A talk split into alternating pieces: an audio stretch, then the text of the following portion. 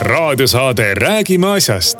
Eesti asjadest nii nagu need on, räägivad Mart ja Martin Helme ning nende huvitavad saatekülalised pühapäeviti kell üksteist. loe põnevate teemade kohta rohkem ka uudisteportaalist uueduudised.ee tere tulemast kuulama raadiosaadet Räägime asjast. me räägime asjast Tre raadios ja Ring FM-is üle terve Eesti saab seda kuulata pühapäeva hommikul kell üksteist, kordus on õhtul kell üheksa.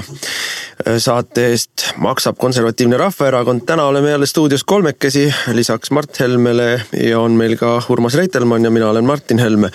millest me siis räägime, meil on saate teemadeks kokku pandud siis sellised asjad, et kõigepealt me räägime Briti valimistest, maavärina valimised, nagu öeldakse. siis räägime äh, kollase katku show'st äh, neljapäeval Riigikogus ehk olulise tähtsusega riikliku küsimuse algatus oli Reformierakonna äh, fraktsiooni poolt, kus nad rääkisid õigusriigist ja see oli noh, nii tagurpidi Antsla kui üldse olla sai ja siis räägime sellest, et meil käisid külas mõttekaaslased, aatekaaslased, äh, relvavennad, kuidas tahame. ehk Euroopa identiteedi ja demokraatia grupp Europarlamendis, mille liikmed ka meie oleme, käisid Eestis ja olid ahvi vaimustuses ja muidugi Eesti meedia ja opositsioon sõimas neid äärmuslasteks.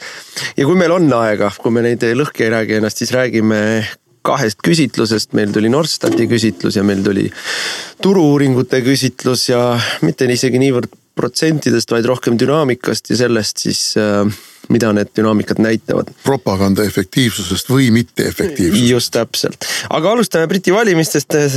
tahaks siis sissejuhatuseks karjuda juhuu, et äh.... mina täna hommikul laulsin, laulsin seda tuntud inglise laulu For he is a jolly good fellow mõeldes selle all loomulikult Johnsonit. jah, no nagu kuulaja aru saab, me oleme eksalteeritud meeleolus toorid kahjuks ei ole selle identiteet ja demokraatia grupi liikmed ja lähevad üldse ära nüüd Europarlamendist ja ka mitte Farage'i partei ei ole selle, äh, selle grupi liikmed.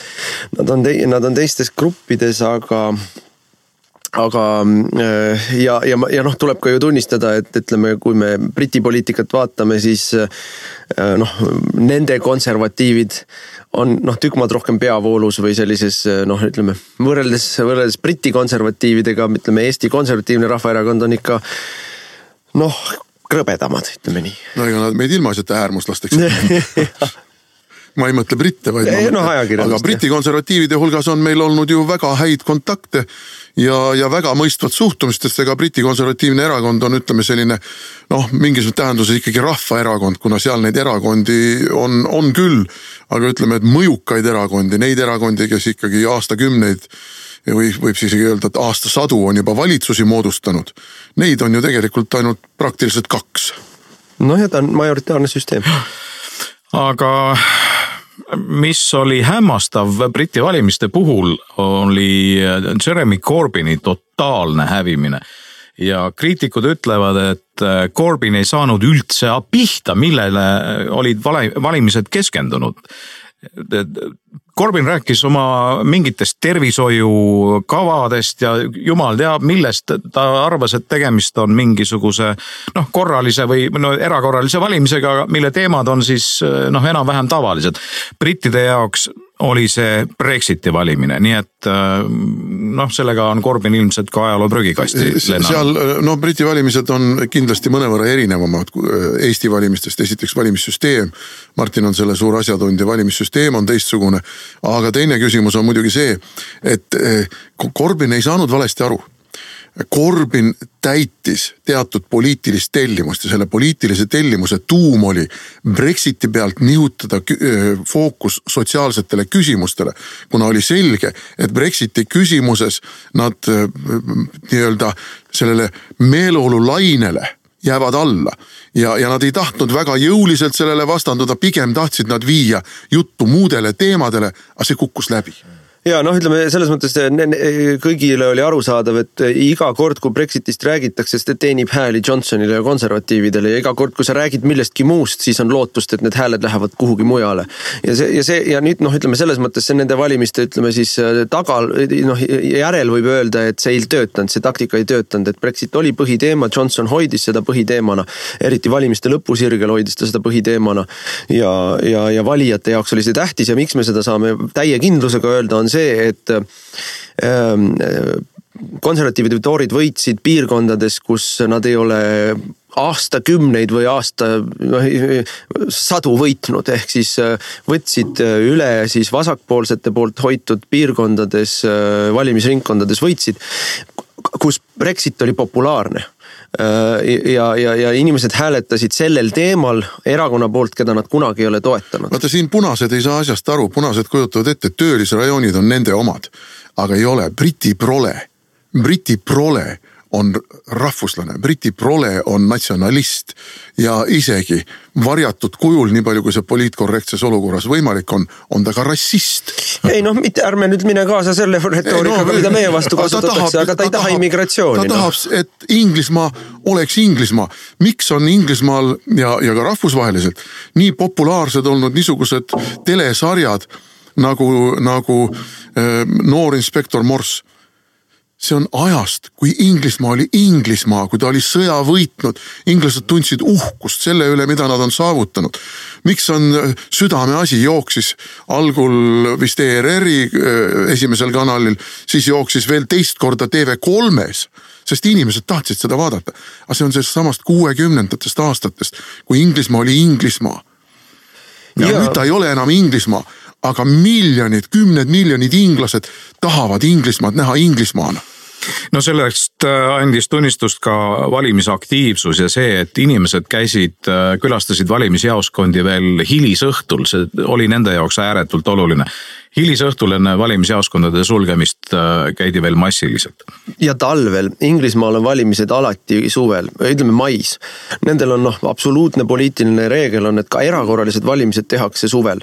Neil oli viimati oli talvel valimised kahekümne kolmandal aastal, see oli pärast esimese maailmasõja lõppu, kui ka riik oli suures poliitilises noh, siis raputuses et ähm, sellist asja noh, isegi teise maailmasõja ajal nad ei ole pidanud, kui ma õigesti mäletan, ükskord oli ka veel novembris, aga detsembris pidasid nad täpselt sada aastat tagasi viimati valimisi ja. ja nüüd on oluline just nimelt see, et millest jälle ei saanud aru ERR-i korrespondendid, kes meile tegid veel viimase minutini selliseid Goebbelslikke raport, raport, raporteid Inglismaalt, kuidas e, e, ikka vast ehk veel õnnestub, et e, Johnson kaotab aga, aga, aga noh, tema valija oli motiveeritud noh. oli ju lausa suur uudis, kuidas valimiste viimasel päeval on tooride edu kahanenud, no tutkit ta kahanes. Aga noh, see on niivõrd naeruväärne, kui ma ikka kuulan neid, eriti, eriti muidugi noh, ma isegi ei ütle ärritav, vaid ma pigem ütlen naeruväärne. oli ERR-i aja, niinimetatud ajakirjanike propagandaraportite kuulamine, kus eh, raportite sisu oli selline, just nagu eestlased läheksid valimiskastide juurde ja valiksid Inglismaale parlamenti. selline propaganda, no kuulge, tulge mõistusele seal ERR-is. ma kutsuksin, no Anvar Samost ja Urmet Kook ja te olete ju intelligentsed inimesed. miks te teete niimoodi, te teete ju ennast lolliks ja huvitav jah, et ERR on nagu selgelt poole valinud, et äh, kas ei oleks nagu mõistlik või arukas inimene vaataks kõrvalt ja arutleks seal rahulikult teemade üle, aga aga selline Brexiti vastasus oli noh, ma saan aru, Eesti meedias liberaalses valdav meeleolu, aga ERR võiks oma erutust varjata. no selles ei ole midagi imelikut meie poole valima, sest et noh, maailmavaateliselt noh, toorid on meile maailmavaateliselt kõige üks lähemaid erakondi Inglismaal. Sa saatsid, kui Johnson sai peaministriks, palju laineid löönud, õnnitluse talle, nüüd võiks uue õnnitluse saata just. Ja, ja noh, ja ka Brexit ütleme isegi mitte niivõrd ju ei ole ja ei olnud ka praegu valimistel niivõrd küsimus selles kas lahkuda Suur, kas Suurbritannia peaks lahkuma Euroopa Liidust või mitte, sest et selle nad otsustasid ära kolm aastat tagasi, vaid küsimus oli selles, kas demokraatia töötab veel või mitte. kas rahval on õigus otsustada, mis me oma riigiga teeme või mitte. ja, ja noh, selles mõttes, mida need valimised nagu ka veel omakorda näitasid, oli see, et rahvas ütles, et lõpetage ära, me ju ühe korra juba ütlesime, aitab jamast, et nüüd viige ellu see. aga noh, see kolm aastat on ka väga selgelt näidanud seda, mis asi on Euroopa Liit kus ei ole mingit demokraatiat, kus käib väiklane kius, ajakirjanduse, niinimetatud vaba ajakirjanduse kuritarvitamine, poliitiline ja majanduslik käte väänamine, valetamine, sõna otseses mõttes valetamine, no mis see, mis need, mis need neljapäevased viimase hetke uudised siis meie meedias olid, need olid ju puhas vale, puhas vale ja nüüd me saame näha siis seda, kuidas pärast kaklust hakatakse veel rusikatega vehkima. juba on esimesed uudised selle kohta ilmunud, kuidas ei no sellega pole veel kõik lõppenud. ikkagi see lahutus tuleb ära vormistada ja mis tingimustel see saab ja kuidas sellega saab, et siin ikkagi võitlus veel jätkub ja no mis te jamate nüüd, no mis te ajate rumalat juttu. ja see, see lahutus saab muidugi keeruline olema, sest. Äh, ei saa sest et Trump juba andis omapoolse käesirutuse üle ookeani. oo oh jaa, seda küll jah ja, seda ja küll. ütles, et nüüd tuleb suur leping mm. Ameerika Ühendriikide ja Ühendkuningriigi vahel ja see annabki eh, brittidele selle võimaluse öelda teisele poole La Manche'i kanalit, et vaadake, näete, siin on mul kahe sõrme vahel on üks pöidla ots, mis sirutub teie poole. et teil ei õnnestu meid rohkem šantažeerida. ja Trump lisas veel, et et see leping pakub brittidele palju-palju enamat, kui Euroopa Liit iial oleks suutnud anda. No praegu on minu, minu arusaamist mööda läheb asi edasi niimoodi, et selle lepingu, selle nii-öelda lahkumislepingu, mille äh, Johnson sõlmis siis sügisel kõigi kiuste ja kõige kiuste. äh, on üleminekuperiood. jah, enam-vähem aastane, kahekümne esimese aasta või ka, jah. jah, järgmise aasta lõpuni. ja, ja selle üleminekuperioodi jooksul, no ütleme, see on nagu hästi-hästi leebe äh, faas, et, et nad jätkavad seal oma sissemakseid ja seal regulatsioon kehtib edasi ja nii edasi aga mis pärast seda saab, siis ta lõpeb ära ja seda võib vist veel aasta võrra pikendada. kui nad tahavad, aga ei pea, ta automaatselt ei pikene. ta automaatselt ei pikene ja nüüd ongi küsimus selles ja nüüd on, nüüd on, ütleme siis nagu inglased ütlevad, tables have turned mm. -hmm. et äh, nüüd on, nüüd on Euroopa, kui ennem oli seda, et brittidel on kangesti lepingut vaja, eks ole. nüüd on Euroopa Liidul kangesti lepingut vaja, sest kui nad uues lepingus kokku ei lepi, siis ongi kõik, siis on finito, lähevad laiali ja, ja ilma ühegi kokkuleppeta ja. ja see on tegelikult väga valus Euroopa Liidule. mina on... mõtlesin siin praegu laua taga, et ma palun nüüd, et mul endal ei ole aega sellega tegeleda, aga et meil erakonna sekretär telliks mulle Inglismaa lipu. Inglise lipu ja öö, äh, esimese veebruari hommikul tõmban ma selle oma maja vardasse. ja, kutsun üles ka kõiki teisi, sest minu jaoks on küsimus väga lihtne. minu jaoks on küsimus rahvaste enesemääramise õiguses ja täpselt selles, mida Martin ütles, see on rahva õigus otsustada, mida rahvas tahab selle riigiga teha, missugust kurssi rahvas sellele riigile perspektiivikamaks peab. rahvas võib eksida, aga siis on see rahva eksimus. rahvas ei ole poliitik, üksik poliitik, siis on see rahva eksimus ja rahvas kannab ka kõik need valud ja, ja kahjud. aga rahval demokraatias peab olema õigus otsustada ja keegi ei saa talt seda õigust ära võtta.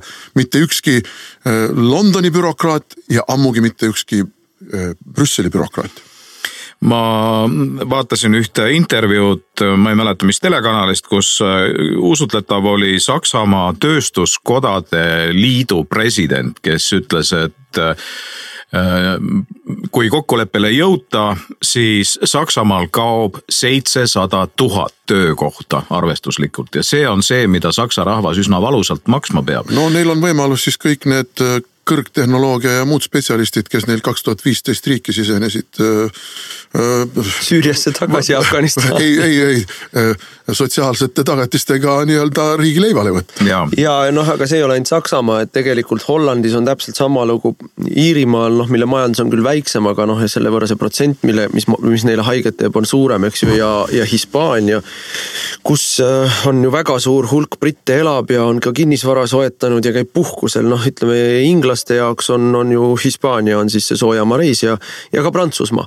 ja, ja, ja noh, kui nad neid asju kuidagi kokku ei suuda leppida, siis need no ütleme hästi lihtsalt öeldes, Suurbritannia ekspordib äh, Euroopa Liitu äh, kordades vähem, kui Euroopa Liit ekspordib Suurbritanniasse, on see siis turism või on see mingisugused autod või on see midagi muud. ja kui mingit kokkulepet ei ole, siis, siis Euroopa Liit, Euroopa Liidu eksport Suurbritanniasse kannatab väga valusalt. ja, ja nad jäävad lihtsalt rahast ilma. nii et noh, nüüd on see olukord muutunud, aga ma tahtsin korra veel selle kogu selle valimistega ja ka Brexitiga tulla tulla veel meedia rolli ja pollide juurde, et jah, nii nagu ka ERR siin äh, uljalt raporteeris, et valimiste eel toorid kukuvad kivina. et, et noh, see on selline enese sugereerimine, millega tegeletakse ja, ja sa kunagi ei tea ja sa lõpuks ei saagi teada, sellepärast et see kõik on propaganda, sa kunagi ei tea, kas see on siis tõsi või ei ole tõsi, sest et kaks tuhat seitseteist aastal vastas see tõele, et vali, vahetult ennem valimisi hakkasid toorid kaotama toetust ja kaotasidki ja lõpuks oli väga-väga napp valimisedu. seekordne valimisedu on, on, on noh, väga korralik. no ja, aga vahe on ka selles, et kes juhtis siis äh, konservatiive, see oli ju äh, May. katastroof. ja, ja May eesmärk, May oli ju Brüsseli agent. May eesmärk oligi mängida kõik kätte Brexiti vastastele ja, ja, ja, ja, ja see oli ka see programm, see oli välja arvutatud, kalkuleeritud, nuputatud, et korraldame erakorralised mida ei oleks olnud vaja tegelikult tol hetkel üldse korraldada. korraldame erakorralised valimised ja erakorralistel valimistel kaotame ja anname jämeda otsa Brexiti vastaste kätte ja ajame selle rahva tahte umbe. see oli kogu strateegia ja, ja seda mindi tegema. nüüd oli täiesti vastupidi. Johnson panustas täie, täie teadvusega, täie riskivalmidusega Brexiti kaardile ja võitis. Ja teate, mis on üks teema, mis äh, nüüd äh, nii-öelda see paduliberaalne mm, ajakirjandus üles korjab on Šoti küsimus, sest mm -hmm. Šoti rahvapartei sai ju väga korraliku tulemuse Briti parlamendis.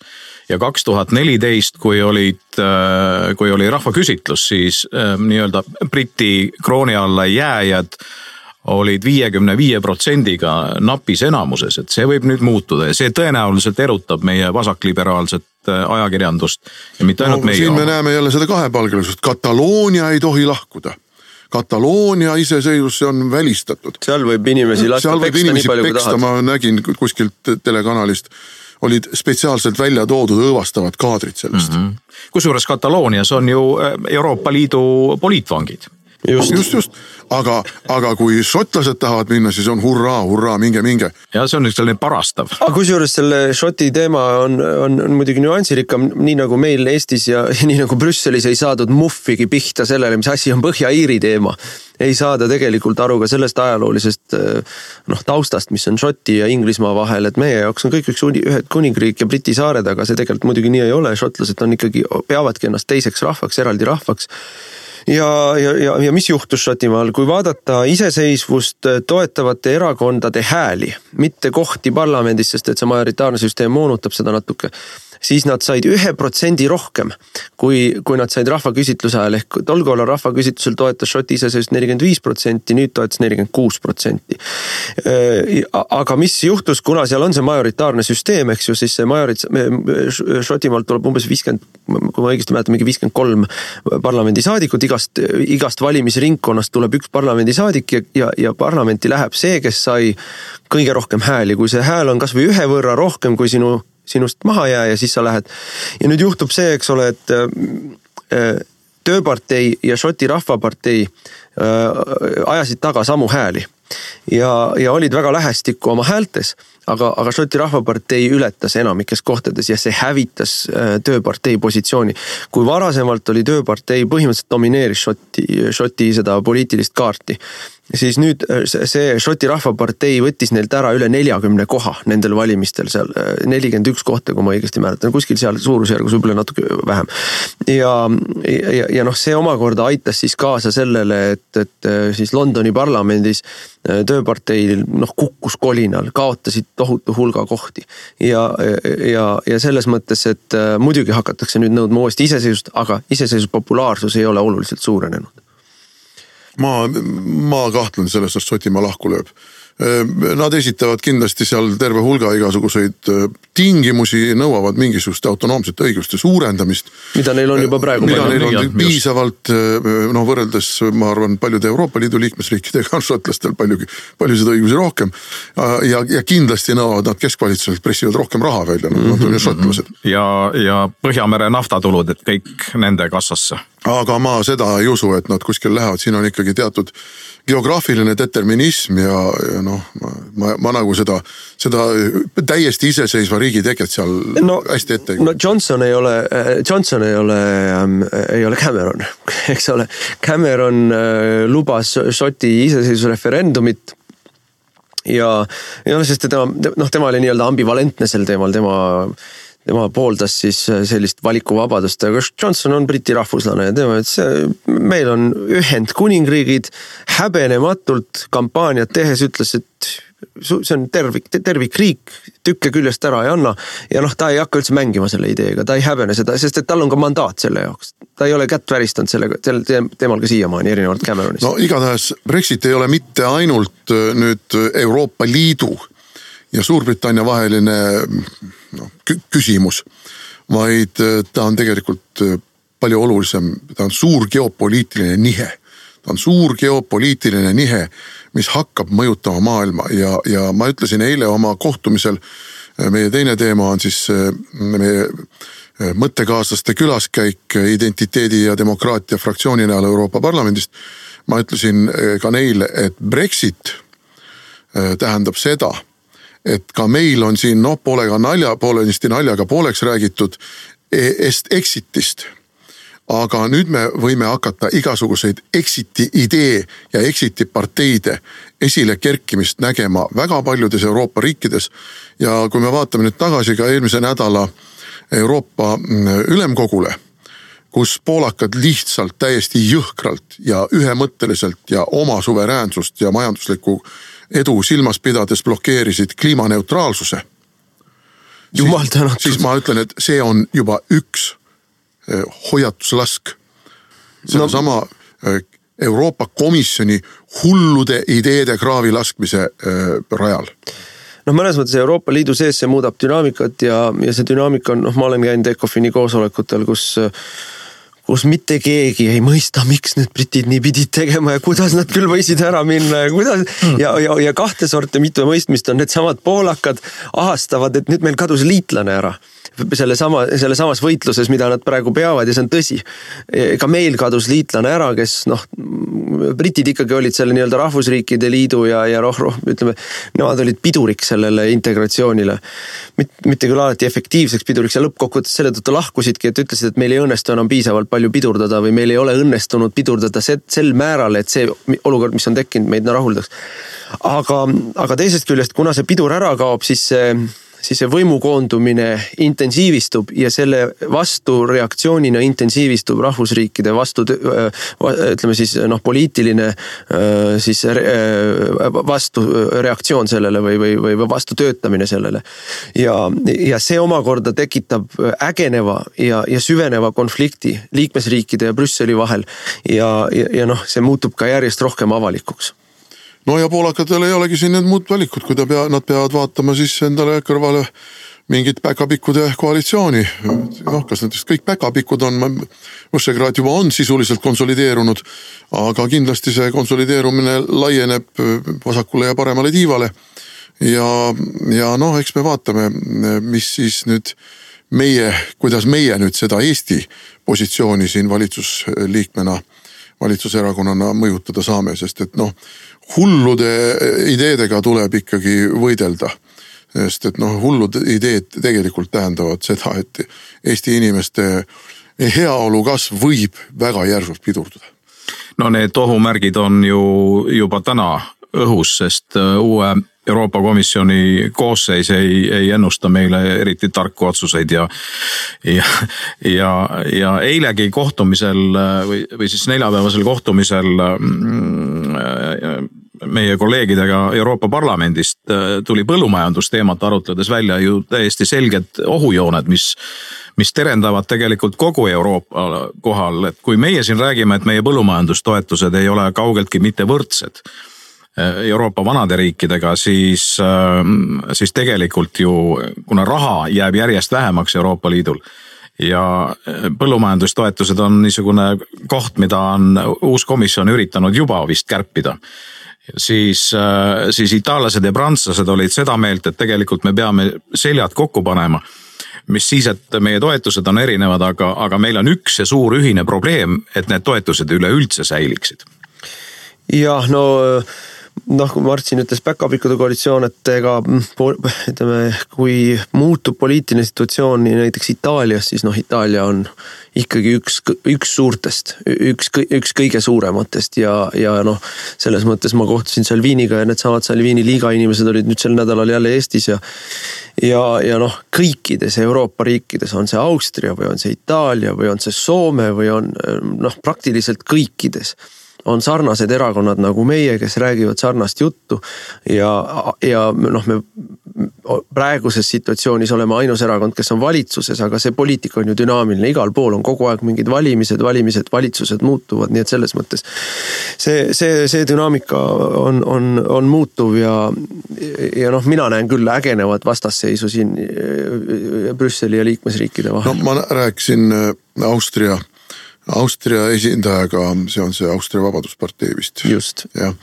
ja, ja, ja tema ütles äh, küll, äh, et olge väga ettevaatlikud, sest et need on Euroopa Komisjoni poolt manipuleeritavad intriigid milledega on nii Salvini kui Vabaduspartei praegu valitsustest välja puksitud. Et ärge üldse arvake, et siin võib olla mingisuguseid erakondi, mis on nagu tuli ja vesi. et viie tähe liikumine ja siis see Punaste partei, keegi ei osanud arvata, et need võiksid ühe katuse alla minna. aga selleks, et kukutada Salvini Euroopa Komisjoni poolsete intriigide ja toetuste najal viidi nad kokku, sisuliselt sunniti sundabiellu selleks, et kukutada Salvini. aga nii äh, austerlane kui üks belglane kui ka üks prantslane, kellega ma seal üle laua äh, lähemalt istusin ja pikemalt rääkisin ütlesid, et aga Salvini tuleb tagasi võitjana ja. ja veel võimsamana ja. ja teeb ja on järgmine kord mitte siseminister, vaid peaminister ja viib Itaalia samuti Euroopa Liidust välja. maksab kätte ja, ja on, on, on kogemuse võrra rikkam või on õppinud se, seda mängu. noh, ega kuule. aga siin, mis ma tahtsin öelda, on see, et ka meil ühel hetkel võib sündida kõige uskumatum koalitsioon ainult ühel põhjusel, et meid valitsusest välja saada ja ei ole välistatud jah. raadiosaade Räägime asjast. Eesti asjadest nii nagu need on, räägivad Mart ja Martin Helme ning nende huvitavad saatekülalised pühapäeviti kell üksteist. loe põnevate teemade kohta rohkem ka uudisteportaalist uueduudised.ee jätkame saadet, meil on stuudios Mart Helme, Urmas Reitelmann ja mina olen Martin Helme ja lähme oma järgmise teema juurde, kui me juba hakkasime rääkima siin identiteedist ja demokraatiast, mis on euro, Europarlamendis suuruselt viies grupp, aga ta on ainult ühe võrra väiksem kui suuruselt neljas grupp, ehk siis need äh, gruppide vahed on tegelikult väikesed ja gruppide vahed ka suuruselt esimese, teise ja kolmandaga on tegelikult üsna väikesed.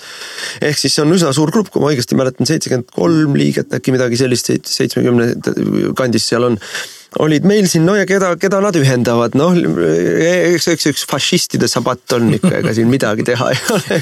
kui Eesti meediat uskuda, siis ma vaatasin, Delfis oli ilus pealkiri, ei ole lihtsalt populistid, ei ole lihtsalt äärmuslased, on äärmuspopulistide koosviibimine.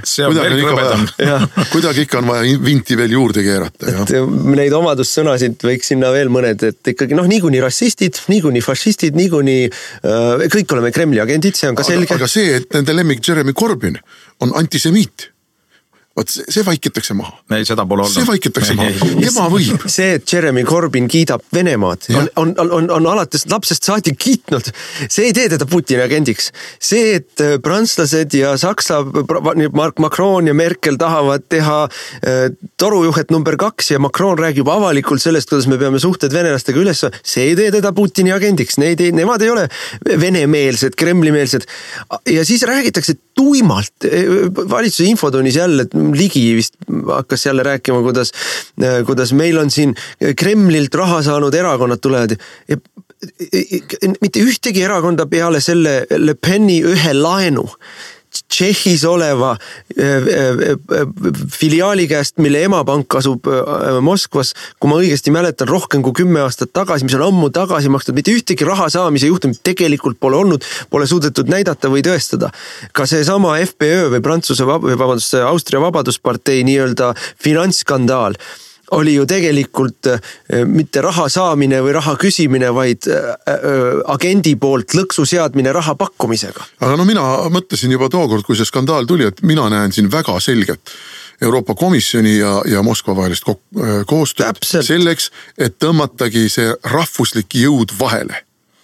Ja, ja siin on muidugi noh, õppetund meile et äh, niipea kui meil ilmub keegi, kes lahkelt hakkab rääkima sellest, et no ma võiks teid toetada ka, niipea tuleb ära lõpetada igasugune jutt selle inimesega. ei noh, ikka on käinud, ma ei ole, raha on pakutud, ei ole kunagi võtnud, ei võtnud enne valimisi, pärast valimisi vaja, meil ei ole vaja raha aga kenad inimesed olid, minu meelest ähm, noh, meie, meie arusaamised ja, ja ideed olid, olid nagu sajaprotsendiliselt kattuvad, et loomulikult äh, tuli ju ka juttudest välja, et siin erinevatel riikidel on pisut erinevad huvid. Aga ühtne idee oli ikkagi selline rahvusriikide ja, ja selge silmavaatega inimeste maailmavaade, nii et, et. no vundament on selge, vundament on e-, Euroopa, mis on kristlikul baasil seisev, kus tahetakse näha Euroopa rahvuskultuure, Euroopa rahvuskeeli, Euroopa traditsioone, kus jõuluturule ei pea minema niimoodi, et seal on betoontõkked ja hambuni relvastatud politseinikud, kus sellest hoolimata uitavad ringi mingid moslemite gängid, kes sõimavad inimesi, mõnitavad neid püüavad igati halvustada kogu seda. litsuvad naistele ligi ja needsamad identiteedi ja demokraatia inimesed viidi, eh, kui ma õigesti tean, vähemalt osa neist läks ka jõuluturule Raekoja platsile mm -hmm. ja, ja nad olidki vapustatud ja vaimustatud sellest, et see on nagu meie lapsepõlv mm. -hmm. see on nagu meie lapsepõlv, kus me võisime minna, kus olid täpselt needsamad asjad. tore muusika mängis kioskikesed, ühes piparkoogid, teises hõõgvein, kolmandas mingid suveniirid. neljanda puu juures tegi keegi mingisugust äh, jõuluvana ja, ja mingisuguseid põhjapõdrakesed ja asjad. et nad olid sõna otseses mõttes püsti vaimustatud. härdanud. härdalt vaimustatud, nad olid nagu lapsepõlve tagasi sattunud. ja automaatidega sõdureid mitte kusagil. et seda ei ole, seda normaalsust ei ole suures osas Euroopas enam isegi reliktina säilinud. ja minu vastas istunud belglane ütles, et nende traditsioon, sajandeid vana traditsioon on see, et nende jõuluvana on olnud tahmase näoga, kuna ta on korstnast tulnud. nüüd on ära keelatud, ta ei tohi olla tahmane nägu, see solvab ja mõnitab musti jah, aga see ongi muide selle grupi nimi, eks ole, identiteet ja demokraatia, mõlemad on nagu väga olulised sõnumid identiteet on ju see, see, mille, millele kõik toetub, millele noh, ka Eesti, Eesti riik laias laastus toetub, Eesti rahvuslus toetub ju meie rahvuslikule identiteedile. identiteet koosneb väga paljudest erinevatest asjadest, alates keelest, lõpetades sellest, et me oskame koos viimase reliikvia mingisuguseid kildusid rebida ja me teame, mis, mis, mis see alltekst on. ja, ja needsamad jõulukombed ja kõik, kõik, kõik, kõik ja identiteet on igas riigis natuke erinev. et laias laastus me oleme üks Euroopa kultuur, kristlik kultuur suur, aga ta on igas riigis ja see eripära ju on nivelleerimise all praegu ja see eripära on, hävitatakse läbi, kõigepealt läbi immigratsiooni loomulikult, aga teiseks siis siin tuleb mängu nüüd see demokraatia pool, selle läbi, et meil likvideeritakse ära rahvusriike ja rahvusriike likvideeritakse ära selle kaudu, et rahvusriigi eh, demokraatlikud institutsioonid ja protseduurid likvideeritakse ära, et saaks ehitada seda Euroopa Liitu. ja, ja, ja selle kaitsel me oleme koos kõik. aga no mida me seal veel arutasime, arutasime seda, et sõnavabadus on eh, Lääne-Euroopas praktiliselt kadunud ja kui meil siin tehakse tsirkust sellega, selle ümber, kuidas õigusriik on ohus, siis seal õigusriik ongi tegelikult juba täpselt nii, nagu me teeme äh, laupäeval.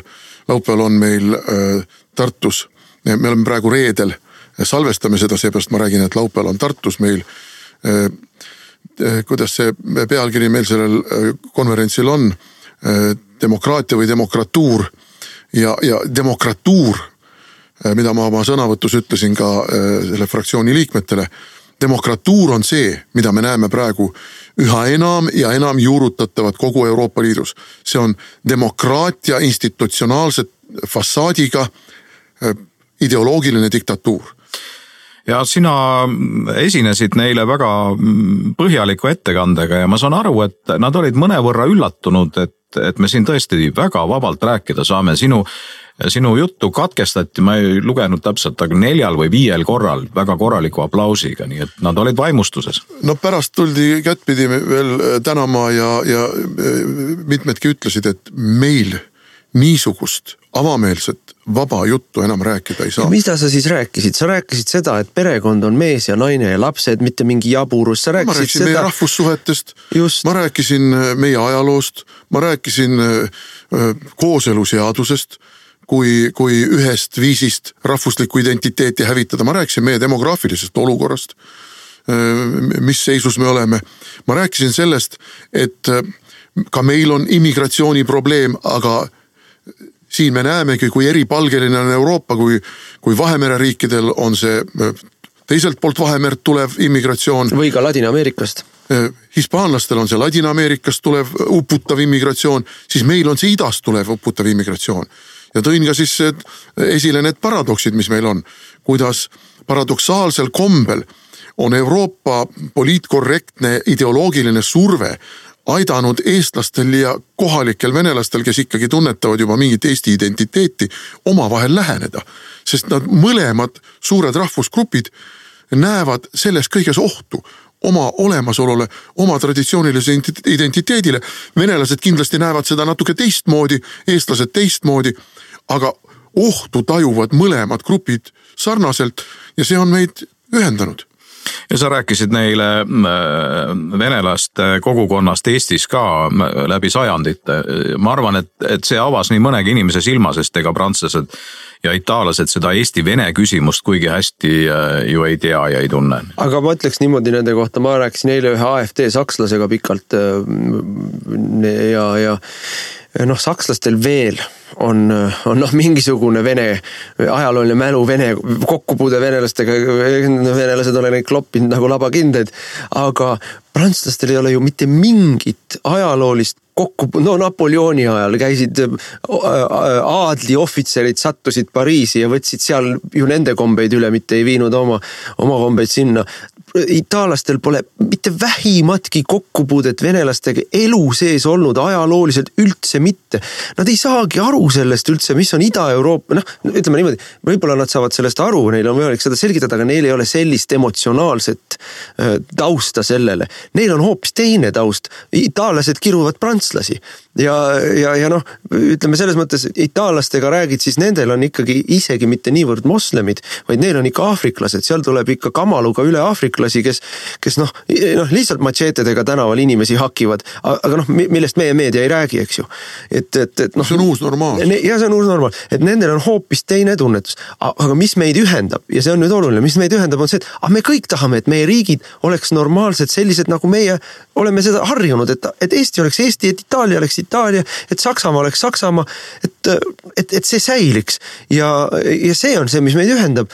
muidugi ka noh, pereväärtused, kristlikud väärtused, et noh, see on, nad olid ikkagi selles mõttes mulle ka mitu korda veel tulid ütlema, et ei noh, et meil, meil nii lahtise tekstiga ikkagi homovärgist rääkida ei saa ja ei no ja, ja see üllatas neid, aga noh, seal ma, ma ei oska praegu peast öelda, kui paljudes riikides on juba need vihakõneseadused aga, aga loomulikult see vihakõneseadus on ju jälle üks saatanlik leiutis, sest see tähendab seda, et, et igasugust eh, liberaalse demokraatia suhtes skeptilist või vaenulikku seisukohta saab liigitada vihakõne poolt karistatava eh, kategooria alla. aga seda vasakpoolset rünnakut teistsuguse mõtlemise, rahvusluse, kristluse, traditsionalismi Äh, suhtes, see ei ole kunagi vihakõne. Mary, Mary Jordan ei tegele vihakõnega. Mary Jordanil, tema, tema tegevuses mingit poliitilist motiivi ei olnud, ehkki ta esimese asjana hakkas meie erakonna märki joonistama mm,. seal poliitilist motiivi ei olnud. Nende identiteedi ja demokraatia grupi tüüpide puhul kaks toredat asja, no loomulikult üks on see, mismoodi meedia meile noh, nii-öelda fooni loob, ühesõnaga lihtsalt sildistab ära laisalt, ülilaisalt, eks ole, laia lauaga, noh ei tee selgeks isegi. meil on flaamid siin, eks ole, meil on siin noh, austerlased, meil on täiesti eri, meil sõbrad soomlased, eks ole. ja, ja muide Soome, Perussoome partei ju parlamendisaadikuid on vihakõne paragrahviga ju karistatud. et ega see noh, see on, ongi reaalsus ja, ja pannakse laia lauaga kõigile ära vene sõbrad ja, ja, ja rassistid. ja, ja siis muidugi, siis oli mingisugune eriti hale, piinlik mingisugune, ma ei tea, pool tosinat Hampelmanni olid maja ees, tagusid pseudoetnotrumme ja vilistasid kui nad meil parlamendis olid külas.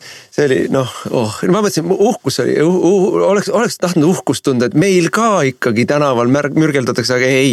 Lihtsalt oli üks piinlik visin. see oli küll väga piinlik ja need mõned poisid ja tüdrukud seal äh, kuskil papi peale maalitud mingite armetute plakatitega, et no võiks rohkem pingutada. selliseid vaadates ja noh, ausalt öeldes ka seda Stenbocki maja juures seisvat no juba nüüd siis kaheksandat kuud. kas nad ikka seisavad? aga siin tuleb üks vale ära õiendada. Delfi kirjutab juba mitmendat korda, teeb lugusid sellest, et miks on Stenbocki maja ette tõmmatud politseilindid, ühtegi intsidenti ei ole kust te teate Delfi? fakt on see, et on olnud, oligi mitu, need lindid tulid pärast seda, kui olid intsidendid. lihtsalt meie ei lähe sellest kuskile pisaraid valama, meedia najal nutma, kui, kui raske ja kole on ja kuidas meid ähvardatakse. sealt tulid rinnaga inimesed peale. seekord, kui, kui, kui mina äh, politseinikele ütlesin, et ajage nad siit minema see oligi see kord, kui mulle rinnaga peale tuldi ja mul ei lastud majja sisse minna. ja, ja mul ükskord takistati autosse istumist. ja, ja, ja Urmas Reinsalu ja äh, Riina Solman, mõlemad on öelnud, et ka neid on takistatud, ka neile on tuldud, neid on sõimatud. Riina Solmanit on sõimatud, ta ütles, et mind kui naist jõhkralt alandati ei, aga see kõik on okei okay.. see, see on demokraatia okay.. see on demokraatia. sõna vaba, sõna on vaba. ja halal. jah, jah, sõna on vaba, et selles mõttes noh, et, et noh, ja mis me siis panime, panime kaks väikest lindikest, et me saaksime uh, ukseni. tööle minna. tööle minna jah, aga, aga noh, ma ütleksin ikkagi Eesti, mina, mina eriti olen Eesti kliima käes kannatan kohutavalt kolmsada kuuskümmend päeva aastas on liiga külm, aga äh, antud juhul vähemalt poliitilise aktivismi osas teenib ta meid, et ega need, ega need Hampelmannid üle poole poole tunni seal ei suuda. Aga korraks oli juttu Soomest, see, mis on nüüd juhtunud Soomes. no see ajab ikka ihukarvad püsti. See ajab ihukarvad püsti ja ma ütlen, et äh, järgmine Soome peaminister on Jussi Halla-aho, sest et noh, midagi nii mõistusevastast, kui praegu Soomes toimub, ei ole seal ilmselt toimunud juba mitu sajandit. no seal on ka Raivo valitsus. oo oh jaa, seal see uus, uus valitsus on, on täiesti drastiline. mulle üks, üks sõber, kes on eruohvitser ja, ja, ja pääses töölt ära.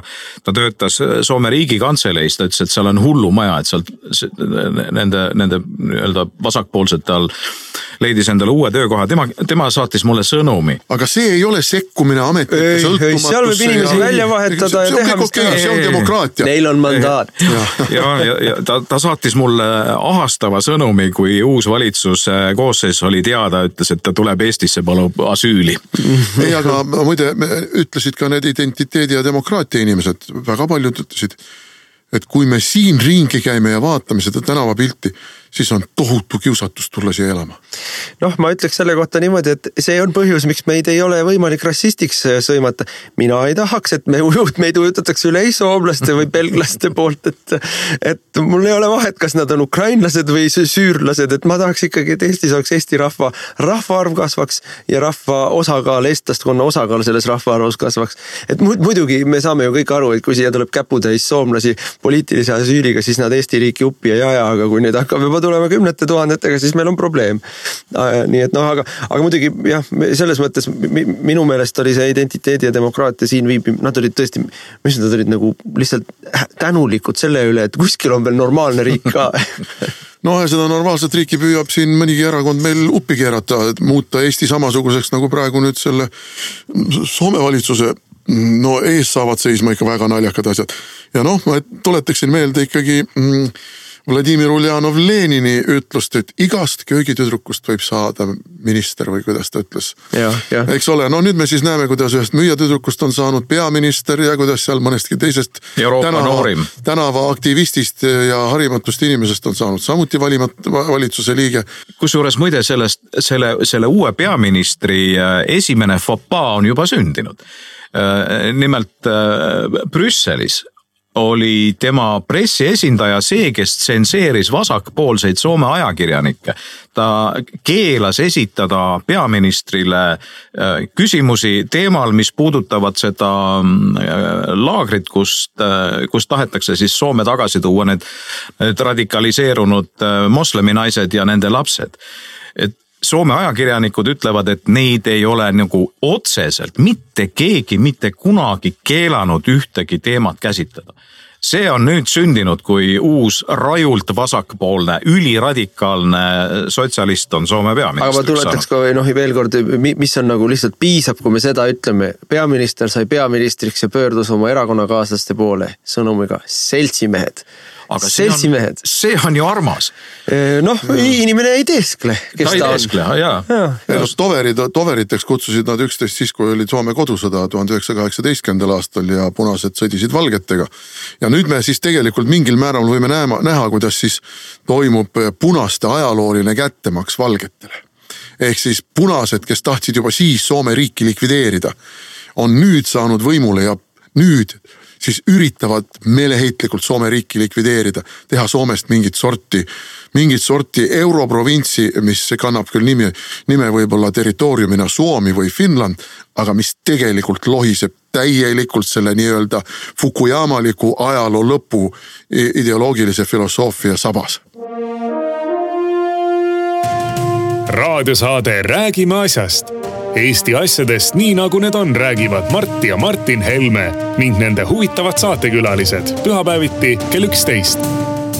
loe põnevate teemade kohta rohkem ka uudisteportaalist uueduudised.ee jätkame saadet, meil on äh, jäänud järgi natuke vähem kui veerand tundi veel ja saame sellega ära katta siis teema, mida võtaks äh, sissejuhatuseks OTRK.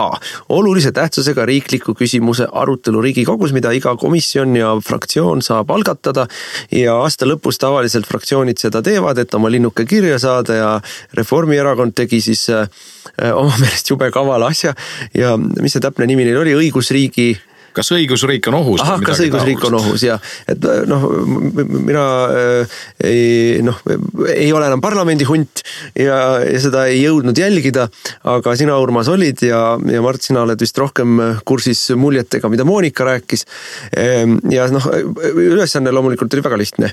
Ehm, tekitada piisavalt palju mõminat, et, et ja siis meedial oleks midagi, mida võim-, mida võimendades meid saaks hõimata. noh, selline mõnus sünergia, nagu meil on ikka paramilitaarne paramilita-, opositsiooni paramilitaarne tiib eh, saaks eh, nii-öelda laskemoona parlamendisaalist. Eh, aga minu meelest kukkus see kõik läbi. totaalselt, see, see oli üks hale katse ja, ja tegelikult ega ta parlamendis mingit erilist huvi ei äratanud, sest et lahkusid enamus Reformierakonna saadikutest, sotsid läksid minu meelest kõik minema, ei, seltsimees Kaljulaid jäi veel istuma sinna aga, aga teised lahkusid. tal vile oli ikka kaasas või? ei olnud isegi ja aga, aga äh, ja meie olime kohal, eks ole, meie fraktsioon oli, olime ilusasti kohal ja jäime siis seda etendust nautima ja algas see kõik Kaja Kallase väga nõrga etteastega mis on aga ära toodud äh, ilusti meie peavoolumeedias kõik täispikkuses. mis ei. koosneb ju millest? ta koosneb ju ainult ühest, meie erakonna sõimamisest ja no muidugi. ehkki Susi ta vist ei, ikkagi nimetab niimoodi metsakutsuks ja nii ümber nurga või ma, ma no, ausalt öeldes ei ole lugenud. ta päris konservatiive nagu vist isegi ei maininud, aga, aga noh, kõigile oli selge, keda ta silmas peab ja noh, Kaja Kallas esinejana on hästi vilets, ta on nagu väga kehv oraator. ta ei, ei mõju veenvalt, isegi kui ta argumendid võiksid õiged olla. just täpselt, tal alati tuleb selline niisugune natukene ahastav ja veekalk veel silmad tulevad ette, ta nagu noh, mul hakkab tast alati nagu natuke natukene isegi kahju et tal ei ole üldse power'it noh. ja siis ta, ja siis ta nagu on seal noh, minu meelest ta nagu tunneb ka ennast ebamugavalt selle kõige jooksul, et oh jah nojah, esinemine on nüüd asi, mida on alati võimalik õppida, mingu kõnekunstitunde võtma ja mingu, mingu mingisuguseid, on selliseid inimesi, kes õpetavad ka missuguseid kehapoose võtta ja missugused on sinu sümpaatsed näoilmed, missugused on sinu antipaatsed näoilmed. et mm, seda kõike on võimalik õppida. aga kui see loomulikult ei tule, siis see on raske. aga siin on nüüd küsimus veel ka selles, et lisaks, lisaks on ta ju allpool igasugust arvestust poliitik. ta ei ole isegi mitte B-kategooria poliitik, ta on täielik C-kategooria poliitik ja C-kategooria poliitikuna me näeme, me ei jõua ilmselt rääkida enam küsitlustest, aga me näeme seda, kuidas kogu see uudsuse võlu, kogu see ootuse võlu, mis on olnud seotud temaga ja Reformierakond püsib veel kõige populaarsema erakonnana, sest on teatud protestimeeleolud.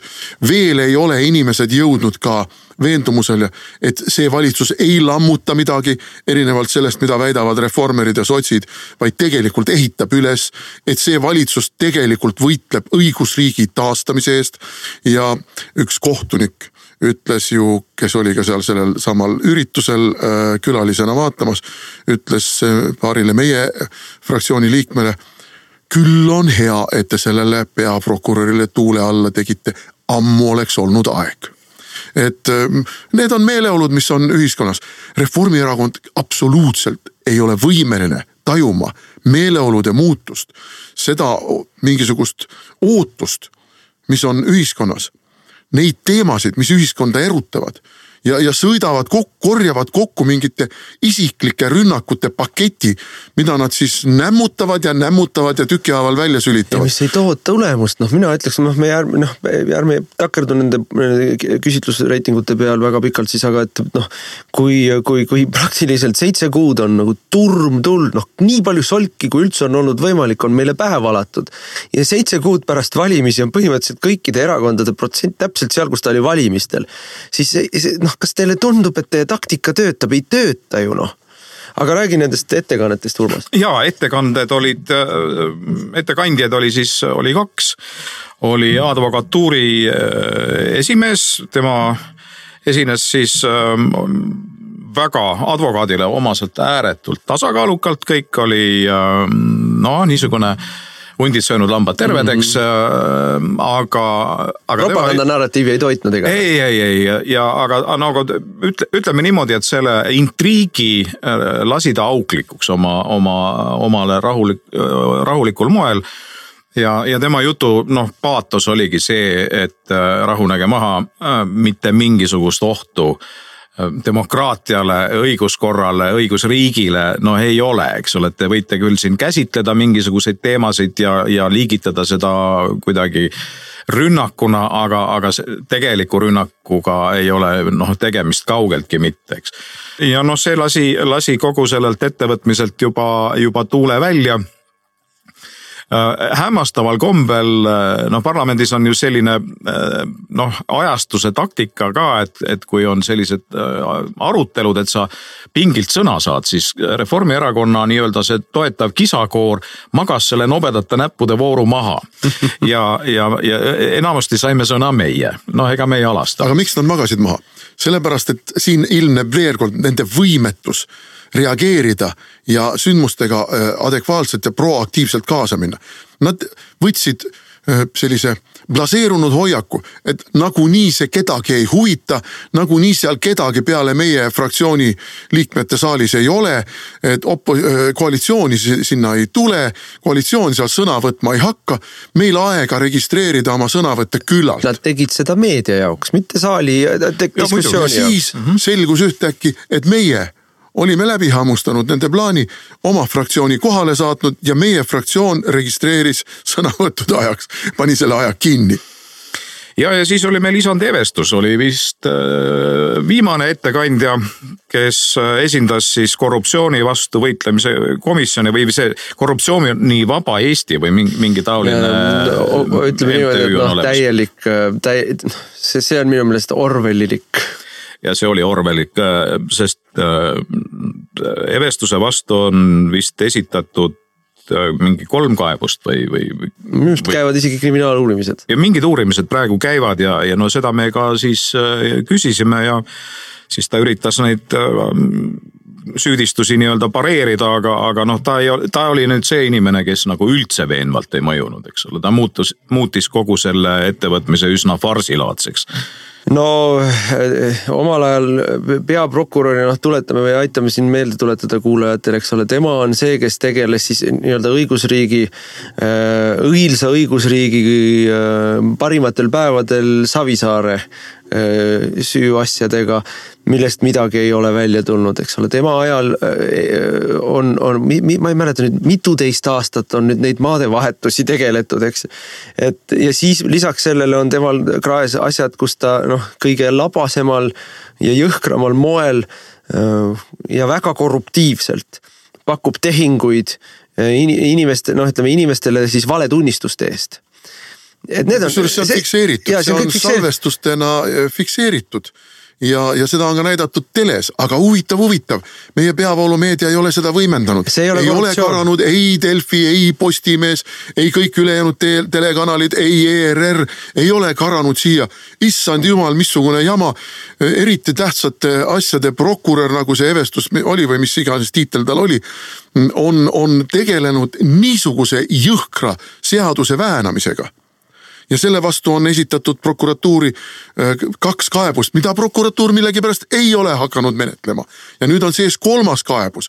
Äh, lahkus sisuliselt päevapealt, kui, kui, kui äh, avalikkusesse hakkas tulema see, mismoodi ta on Priit Kutserilt püüdnud välja pressida tunnistusi Eh, aga see ei huvita, siin me õigusriigile ohtu ei näe. ja siin me ei näe ka suuri rasvaseid pealkirju päevast päeva. ei, korruptsiooni ei ole, ohtu õigusriigile ei ole ja see inimene istub ikka selle mingi korruptsioonivaba Eesti, ma ei tea, mis pagana ametikoha peal juhina, eks ole, näitab süüdistava näpuga meie erakonna peale ja, ja, ja, ja aga näe, Reformierakond kutsus ta rääkima sellest, kuidas õigusriiki kaitsta. just ja mina esitasin seal ühe küsimusena, tõin sellise näite äh, siis kas õigusriik on ohus, on teema ja minu näide oli siis sellest, kuidas äh, Viru vanglas istub äh, maikuuks oli ta istunud juba üle seitsmesaja päeva üksikvangistuses.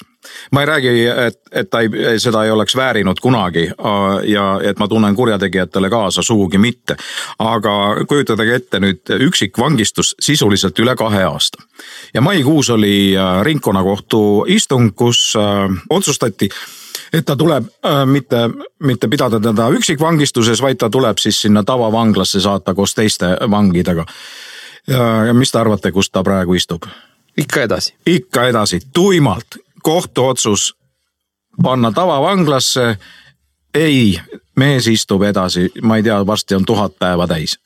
ehk siis äh, noh, kus see õigusriik on? just, seda ma küsisin, vastust ei saanud ega ei saagi vastuseid, ega ei saagi vastuseid. ja noh, kui ma nüüd siin pika tiraadi pidasin Evestusest ja tema suhtes ole, õhus olevatest kahtlustest, siis siin tormavad nüüd kõik õigusriigi kaitsjad rääkima. kedagi ei saa süüdi mõista, kehtib süütuse presumptsioon. huvitav, huvitav, Mart Järvikule see ei kehtinud Mart Marti Järvikule ei kehtinud mingit süütuse presumptsiooni. tema on selline kõrilõikaja, kaabakas, korruptant. ehkki ta ei ole seda ei no Marti Kuusikul ei olnud ka süütuse presumptsiooni olemas. ka Postimees ja seesama ERR ju jätkavad rääkimist, kui ma käisin Esimeses stuudios tralla jälle iseenesestmõistetavusega teatab küsimuse alguse sissejuhatuseks, et korruptiivsed tehingud tuuleenergiaga. kuramus küll, mis, mis, näidake mulle, missuguses meediaväljaandes te olete mul suutnud mingisugusegi konstruktsiooni püstitada, mis, mis, mis, mis lubaks teil öelda, et korruptiivsed tehingud või suhted ei ole ju. Pole kordagi, ei ERR, Delfi ega Postimees pole kordagi näidanud mingeid korruptiivseid tehinguid, sest neid ei ole. ja vastupidi, mitu korda on ümber lükatud, aga rahumeeli räägivad edasi minu meelest on äh, meedia, nad äh, meedia on muutunud selliseks, et nad ei moonuta fakte. nüüd on nad lihtsalt tuimalt lausvaledega äh, ei no paralleelmaailmas, minu meelest elavad nad paralleelmaailmas ja, ja muidugi neid ajab raevu see, et selle paralleelmaailma konstrueerimine ei mõjuta rahva arvamust tegelikult. ei, et noh, see, selles, see on nendele kõige valusam, et, et meediat, meedia ei, ei pahanda selle peale, kui, kui teda sõimatakse, siis nad tunnevad, oh, me teeme õiget asja. aga kui me oleme liikunud edasi sõimamisest naeruvääristamiseni ja me oleme tänaseks päevaks oleme me jõudnud olukorda, kus seda meediat, mis meil ennast nii tähtsaks peab, neljandaks võimuks peab, nii edasi. inimesed lihtsalt ei tee välja enam, ei hooli. no aga see on ju naeruväärne, alustasime Brexitist, aga see on ju naeruväärne, kui Brexiti või õigemini siis parlamendivalimiste päeval püüavad meie ajakirjanikud veenda eestlasi, et Johnson ja toorid kukuvad valimistel läbi ehkki mõne tunni pärast selgub, et nad võtavad võimsa võidu. see on ju naeruväärne, see on ju naeruväärne, kui nad esinevad Goebbelsliku propagandaga, just nagu eestlased läheks valimiskastide juurde, püüavad mõjutada eestlasi mingit seisukohta võtma. mis juhtub Briti valimistel kui eestlased ükskõik kuidas otsustavad, mitte midagi. ma ei ole kindel, et nad päris nagu rumalusest või lollusest teevad, et nende arvutus, ma arvan, on natuke peenem ja see arvutus on umbes selline, et et näete, siin on, siin on see igihalb EKRE, kellele meeldib Brexit ja kellel on noh, need mingid teemad, järelikult teeme need teemad nii noh, mürgiseks, kui üldse võimalik on, et noh, sedakaudu üritavad tegelikult meile ära teha. noh, mina arvan, et seal on noh, lisaks sellele, et neil lihtsalt on nagu peas kõik soe no, ma ütlen selle kohta ikkagi, et kes mõõgaga meie vastu tuleb, see mõõga läbi sureb.